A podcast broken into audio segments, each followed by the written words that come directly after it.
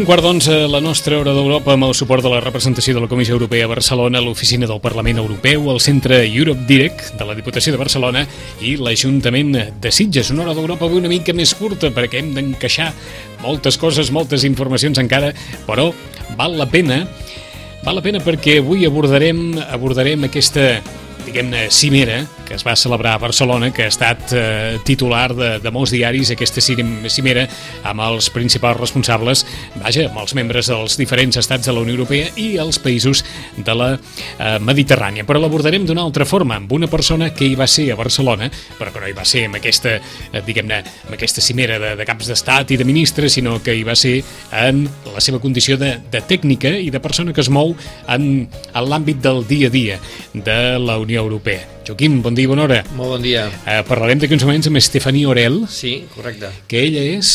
Bueno, ell, ella és consultora a l'àmbit de l'àmbit europeu, especialment ha treballat molt amb, amb la gestió de projectes, que penso que és molt interessant, perquè és quan coneixes uh, els continguts moltes vegades d'aquestes uh, a vegades grans declaracions que fem i al darrere que hi ha, no? Pues, bueno, a vegades hi ha projectes de cooperació reals eh, i en aquest cas ella s'ha especialitzat molt en temes que tenen a veure amb la Mediterrània, no? amb el que és tota aquesta uh, política de cooperació que hi ha entre la Unió Europea i la Mediterrània, especialment des de fa ja uns quants anys quan la Secretaria per la Unió Europea de la Unió, eh, de, perdó, la Secretaria de la Mediterrània per la Unió Europea es va, eh, eh, va, agafar la seva seu a Barcelona allà al Palau de Pedralbes eh? Eh, llavors doncs, bueno, Barcelona ha tingut una tradició important amb aquest tema i, i per tant ella doncs, bueno, s'ha vinculat molt a Barcelona, la tenim vivint a Sitges uh eh, -huh. Mhm. aquí a casa nostra i, i bueno, parlant un dia amb ella dic, home, doncs serà molt interessant que ens expliquis això perquè a vegades parlem molt també amb, amb teòrics, no? Sí. Eh? I, i home, pues, parlar amb una persona pràctica que ha estat gestionant coses aquestes també és interessant per veure la realitat al final cap on va, no? I a més ella ha coincidit, eh, i per això també he pensat que fora interessant que vingués avui al programa perquè ella ha coincidit que ha estat aquests dos dies darrers eh, molt participant activament en tot totes les reunions que hi ha hagut aquí a Barcelona des del comissari de política europea i veïnatge mm, eh, que, que ha estat parlant també de l'àmbit mediterrani, que aquí també s'ha vengut una mica a la moto explicant eh, que ha hagut una reunió eh, específica anti eh, mm -hmm. i que no ha estat així, però bueno, no ha estat així exactament i penso que també era interessant que ens expliqués una mica aquestes reunions com, bueno, què és, què és el que es parla al final ah, i tot això. Uh, doncs saludem a Estefanía Orel. Estefanía Orel, buenos días. Sí, hola, buenos días. Buenos días. Eh, Estefanía nació en Francia. Sí, ¿Dónde? ¿Dónde? Eh, pues en otra ciudad mediterránea que se llama Marsella. ¿Y vive en Sitges desde...? Pues casi un año. Casi un año. he estado viviendo en Barcelona hace, bueno, ya unos 10 años. ¿Se está bien en Sitges? Y tanto. Y tanto. muy bien. Y tanto. Muy bien, muy eh, bien. Pues... Empezamos por aquí porque seguramente eh, Estefanía ha sido como muchos otros ciudadanos, lectores de, periódicos y espectadores de canales de televisión y oyentes de, radio, eh, una de las personas que ha escuchado informaciones sobre esta cumbre europea, europea y mediterránea que se ha celebrado en Barcelona. A nosotros nos han quedado y ahora Joaquín no, nos comentaba Joaquín que, los titulares que ha generado esta cumbre, mm, al menos desde el punto de vista de Stephanie, no, son exactamente representativos de lo que se ha vivido. Nosotros nos hemos quedado con ese titular de que los principales representantes de la Unión Europea y de la comunidad mediterránea han hablado mucho del yihadismo durante esta cumbre en Barcelona y, por, otro lado, en, clave más, más interna, este desencuentro, esta situación de tensión entre Mariano Rajoy y, Artur Mas. Dejando de lado la cuestión local, eh, ¿esta cumbre en Barcelona puede pasar como la cumbre sobre el yihadismo o se ha hablado de, mucho más en Barcelona? A ver, eh, se ha hablado de mucho más. De hecho, em, los oficiales hablan más de una reunión informal de ministros de Asuntos Exteriores de la Unión Europea y de los países del sur del Mediterráneo. Ahora bien, claro que uno una de las de los desafíos mm, hoy en día después de los atentados en, en París sobre todo y bueno y es claramente la, la lucha contra, contra la radicalización o contra el yihadismo. Pero es una de las cosas que se han hablado porque entra dentro de todo una una discusión de recuperación también de eh, enlaces que se habían perdido porque estos ministros de Asuntos Exteriores no se habían reunido en los últimos siete años.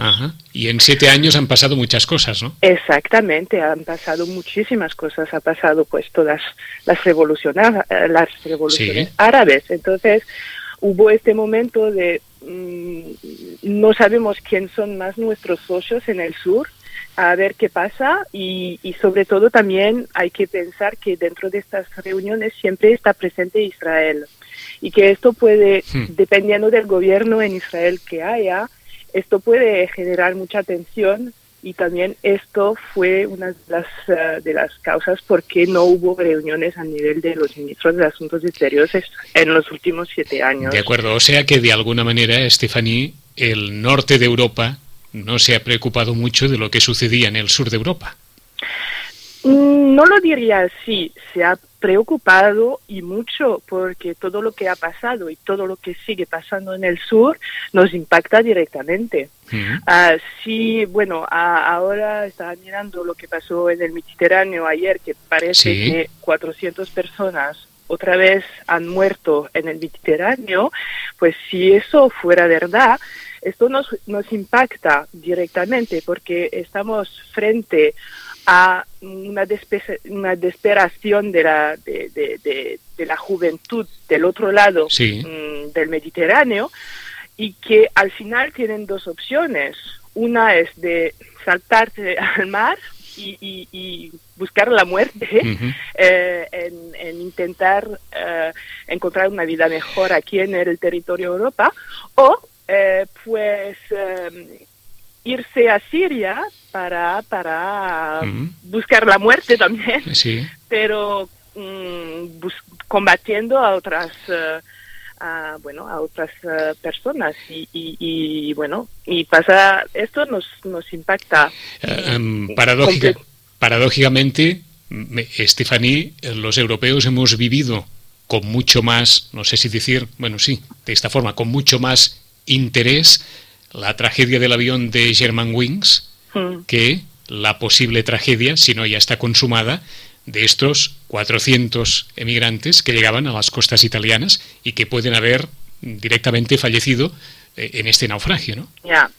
A ver, son dos cosas diferentes. ¿Está claro?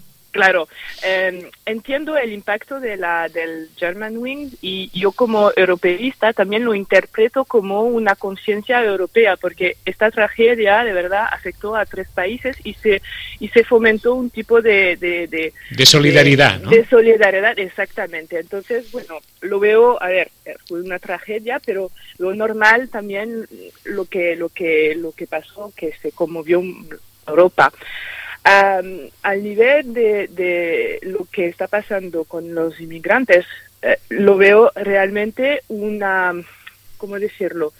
Em, esto es un fallo en nuestros valores, que para mí la Unión Europea se basa en valores más bien humanas, ¿no?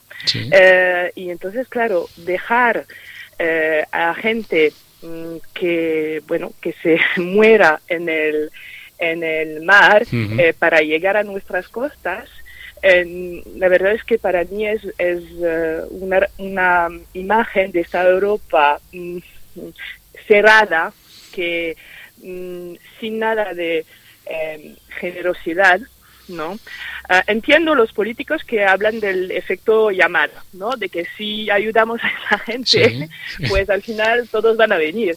Pero es que no es así. Hay una situación que se tiene que trabajar tanto aquí como en estos países. Hay que encontrar soluciones. Y es por eso que la cumbre también habló mucho de desarrollo económico, de cómo eh, generar desarrollo económico para generar empleo, para generar eh, digamos, eh, opciones para esta gente para que, para que encuentre felicidad en su propio país, porque al final es de lo que hablamos, que esta gente son gente, son humanos que como todos los humanos buscan, buscan una vida mejor. Mm.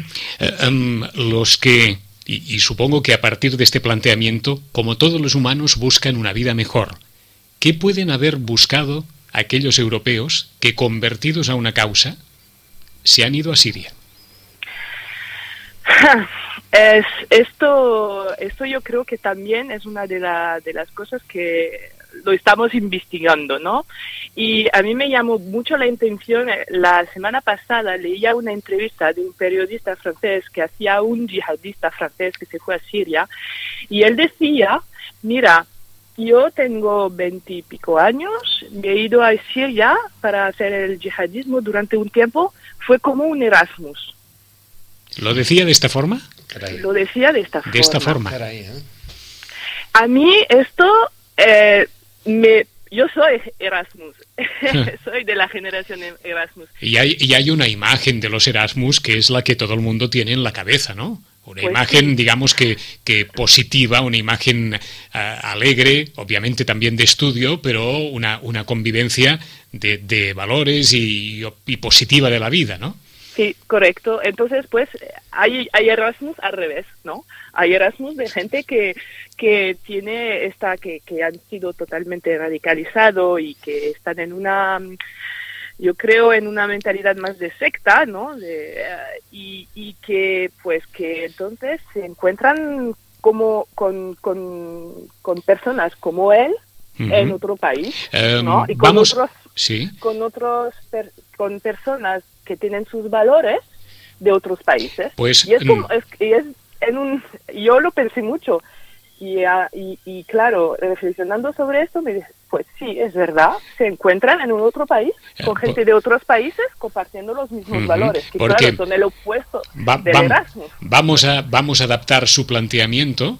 Si Europa es o tiene que ser un espacio de valores, ¿qué puede pasar con aquellas personas que en Europa no encuentran nada que les motive ni nada que les ilusione para abrazar unos valores que, vaya, están en, en absoluta contraposición a los que pueden ser los nuestros. Y, y lo digo por si de alguna forma eh, Europa no está dando oportunidades o las oportunidades necesarias y muchas personas pueden pensar, pueden pensar en su en su búsqueda en esta conversión que para lo que para lo que me queda aquí en Europa, pues abrazo yo otra otra historia y perdido, pues perdido por, por perder lo que ya he perdido, me voy a otra parte y a ver qué Sí. y a ver qué me espera en la vida, ¿no?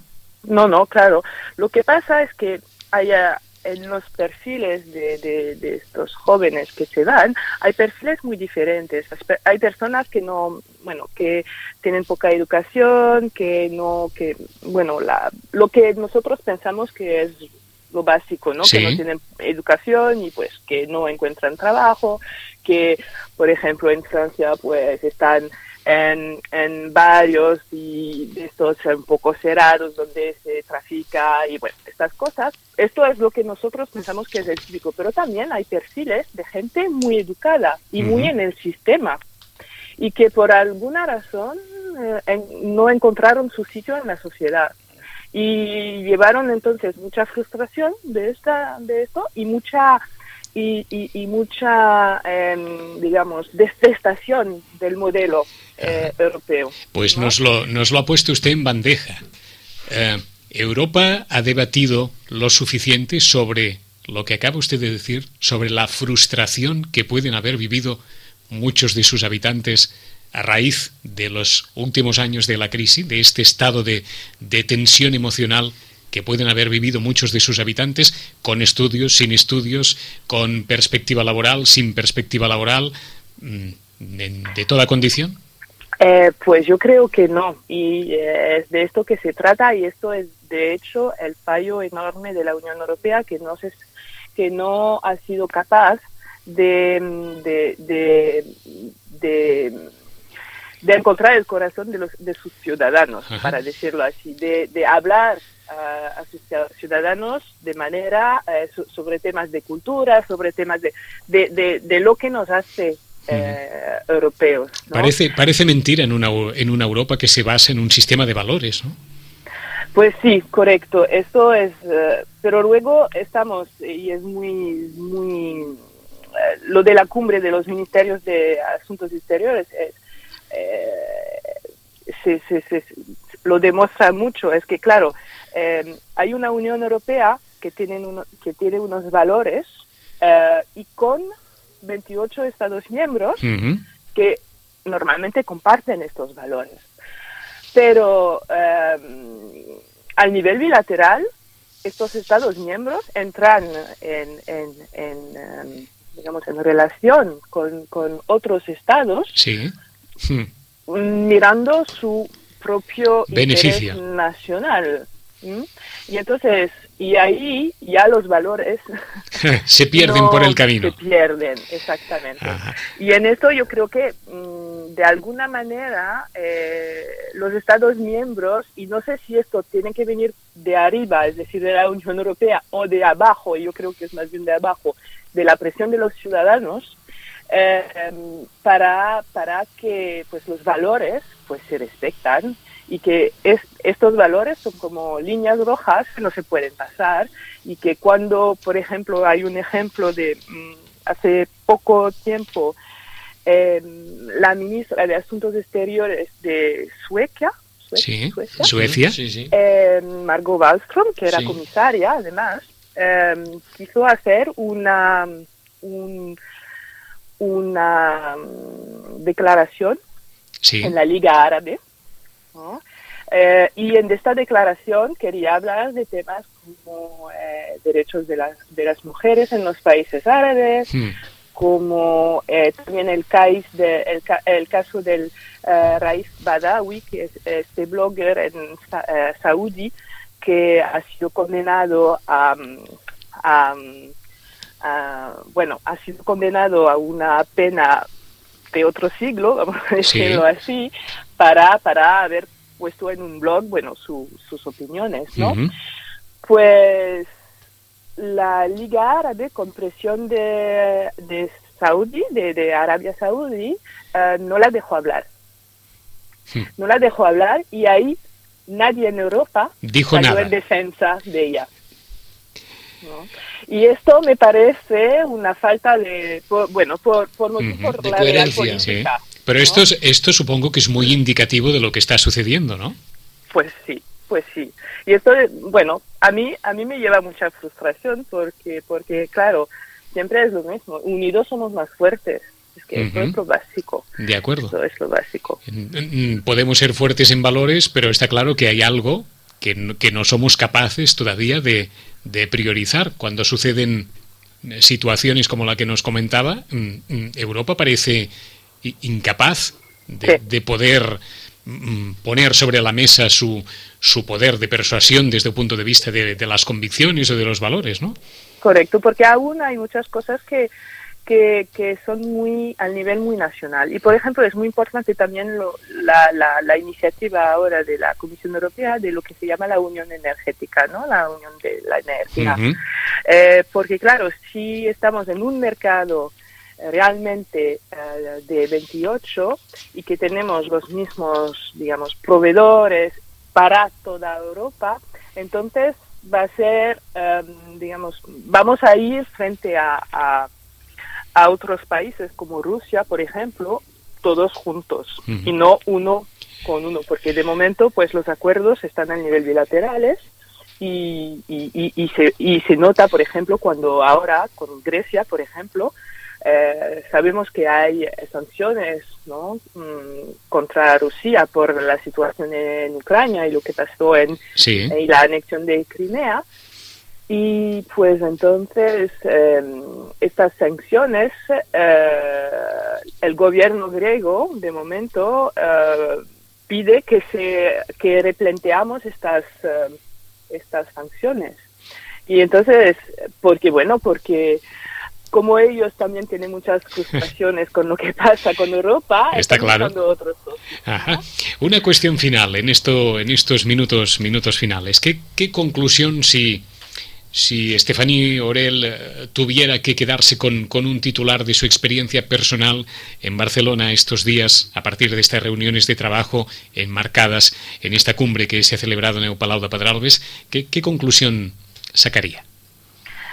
Pues yo sacaría la conclusión de que tenemos que trabajar muchos, Mucho, muchas personas tienen que, que, trabajar para, para eh, juntos, ¿no? Y no cada uno por, por su lado, y lo digo tanto desde Europa y también de, la situación en el sur del Mediterráneo, porque los países del sur, eh, bueno, mm, tienen muchas, muchas cosas también que, que tienen que trabajar. Y una de las cosas, por ejemplo, es más integración entre ellos mismos.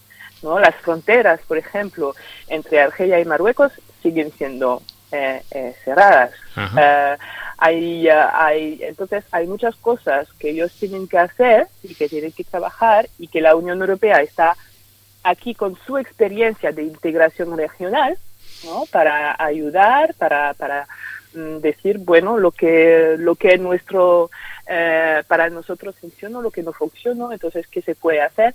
Entonces, yo creo que tenemos muchísimos desafíos por delante, pero es que o trabajamos o este es que no lo veo muy negro. De acuerdo, no, hay no hay otra salida que esta. Es que no, no, hay, otra salida que esta. Y, y, espero que los políticos que toman las decisiones, eh, y yo creo que sí, que se den cuenta, porque esto es una bomba que va a explotar mm, hmm. de, aquí a muy poco, hmm. porque estos temas llevamos, de hecho, en 2015 son los 20 años de lo que se llama la Declaración de Barcelona, que fue entonces que se creó esta zona euromediterránea y hace 20 años eh, ya hablábamos de todos estos problemas de, terrorismo, etcétera, etcétera. Hace, hace 20 años alguien ya dijo que esto podría pasar. Exactamente. Y ha pasado. Uno de estos, uno, de estos alguien era Javier Solana. Ajá. Y ha pasado lo que se decía, y han pasado 20 años. Os saluda eh, Joaquín Millán, Estefanía. Gracias, Estefanía. Pues igualmente, Joaquín, muchas gracias. Nos vemos pronto. Un abrazo. Gracias, Estefanía. Hasta luego. Hasta adiós. Luego, un abrazo, adiós.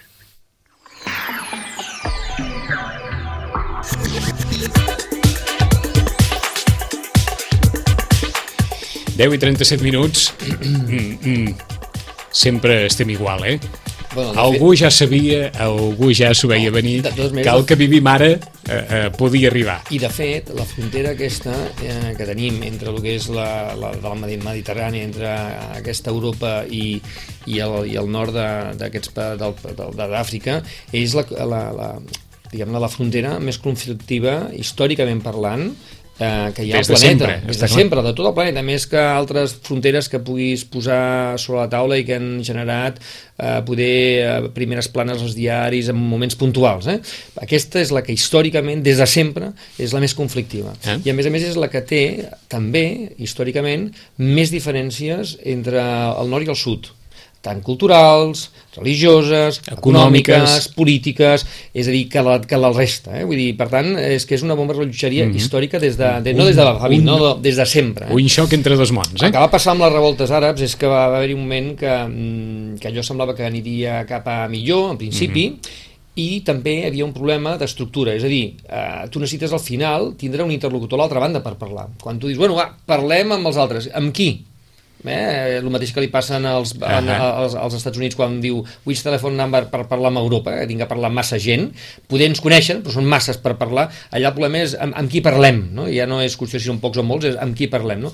Jo crec que aquesta transició ha durat set anys, imagina't tu. Sí, sí. Eh, no, set anys que poder no són una història, però avui en dia, com que el món va tan ràpid, 100 anys és una eternitat, mm. perquè el que deies tu quan has començat, és que en 7 anys han passat tantes, tantes coses. coses. Per descomptat que sí. En, en 3 minuts, Joaquim, molt ràpidament, aquesta xerrada de Xavier Mingorance que va tenir lloc al Malvasia de Llibre sobre les tradicions europees sí, el va, passat dissabte, què tal va anar? Va, va anar molt bé, molt interessant, entre altres coses, perquè vam parlar del, del tema europeu des d'una altra perspectiva, de la històrica, és a dir, la construcció d'Europa, el somni etern, des dels grecs, els romans, el Carlemany, el Napoleó, el Hitler, fins la Unió Europea, i per tant va estar molt interessant perquè va ser, a més a més, molt divertida i perquè va ser una manera diferent de, de parlar i donant valor tots els projectes que hi ha hagut, eh? per bé o per malament, els que han estat més econòmics, més territorials, més uh, manu militari, perquè ens entenguem, uh -huh. i poder parlàvem que el darrer, que poder és el que té més, que té més, um, té, té més avantatges, perquè en té tres concretes que els altres poder no havien lograt tenir i que per tant valia la pena ressaltar, que era justament uh, tindre un projecte comú amb, amb totes les diversitats que composa la cultura i la, la manera de història, religió a nivell europeu, uh, segona, que com a mínim dins de la Unió Unió Europea hem mantingut aquesta pau que, que moltes vegades veiem que trontolla però que la mantenim i, i, i, ter i tercera, que malgrat no tenim això que en diem ciutadania europea en parlem però no existeix, però més o menys eh, hem tingut la, la gràcia de poder anar navegant cap a un projecte comú, de moment, no? Uh -huh. I eh, aquesta és una mica la idea, no? Segona qüestió, el 10 d'abril ets al Parlament de Catalunya? Sí, el 10 d'abril al Parlament de Catalunya fent una compareixença con concretament eh, compareixença no, no, no riguin, no riguin. No, no, dic, perquè tothom em preguntava i què feies el divendres allà? No només havia la de la Camacho, havia també la d'Hispaner, no? I la tercera, en discòrdia, era la comissió eh, d'Afers Exteriors, Unió Europea i Cooperació. Va, home, va, va, home, va. Ja m'explicaràs ara davant del que hi havia. Bé, total. Que de vas... fet, sí, total, que vaig anar allà, va estar molt divertit. Ja vam, eren conscients tots, inclús els propis diputats de la comissió, d'això no se'n parlarà avui. Perquè, Però en aquest cas, en representació del Consell del Català del Moviment Europeu. Va ser eh? molt interessant perquè, eh, de fet, eh, dona l'oportunitat, eh, en aquest cas, si tu demanes, mm, eh, tens l'oportunitat de poder passar comptes a entitats com pot ser el Consell Català Europeu, que uh -huh. una part molt important dels fons que tenim són fons públics, de la Generalitat, de les diputacions, dels municipis, etc, de poder passar comptes en el Parlament de Catalunya de la feina que fem, com ens gastem els diners, amb quins projectes, etc. No? I en aquest sentit jo penso que és transparència i és exercir una cosa que en aquest cas concret, tant l'entitat com jo mateix hi creiem. No? I per tant, jo penso que, que a mi em va plaure molt poder-ho fer, saps? Uh -huh. Cada dos anys ho fem i crec que és interessant també dir-ho. No? Doncs vinga, acabem amb el Dia d'Europa. Dia d'Europa. Dia d'Europa tenim diverses coses en marxa. A nivell, a nivell general tenim la declaració del Consell Català Europeu del Dia d'Europa que està consensuada en tots els partits polítics i moltes entitats, municipalistes, els sindicats, el patronal, etc. I per tant ja el tenim en marxa. La gent que el vulgui a través de la web del Consell Català Europeu se la pot baixar i es pot adherir una. Dos, a més a nivell més proper, eh, aquí a Sitges sempre celebrem també eh, el, el Dia d'Europa i ho farem ja amb el tradicional concert, que ja fa més de, farà ara 15 anys que l'estem fent, per tant, déu nhi eh, el 3 de maig a les 7 de la tarda al Saló d'Or de, del Palau, Palau Maricel, Maricel juntament, i això s'ha d'agrair sempre a Juntos Musicals de Sitges, que és la que lidera aquest concert, amb l'Ajuntament, el Consell Català Europeu i altres entitats. Aquesta vegada tindrem a l'Elisabet Raspall, el trio, eh, que ens farà un concert eh, molt, molt xuli, espero que sí, segur que sí, i després les altres coses que fem també aquell dia, la, la mateixa Ajuntament farà un acte institucional, també se sumarà la declaració que abans esmentava, i tindrem també la tradicional festa eh, d'Europa, en aquest cas a una uh mhm. -huh. escola que tradicionalment cada any ho fa, que és el Maria Usó, el divendres per la tarda. El divendres 8 de maig, a la tarda. Per la tarda, que ja estarem en campanya, per tant vol dir que pensa que la campanya comença al 7 sí. per la nit, 8 per matinada, i per tant doncs, el 9 de maig, que és dissabte, cau en un dia una mica així especial, però hem avançat coses. Exacte. Gràcies per la síntesi, Joaquim. A vosaltres. A 10 i 42 minuts. Fins la propera.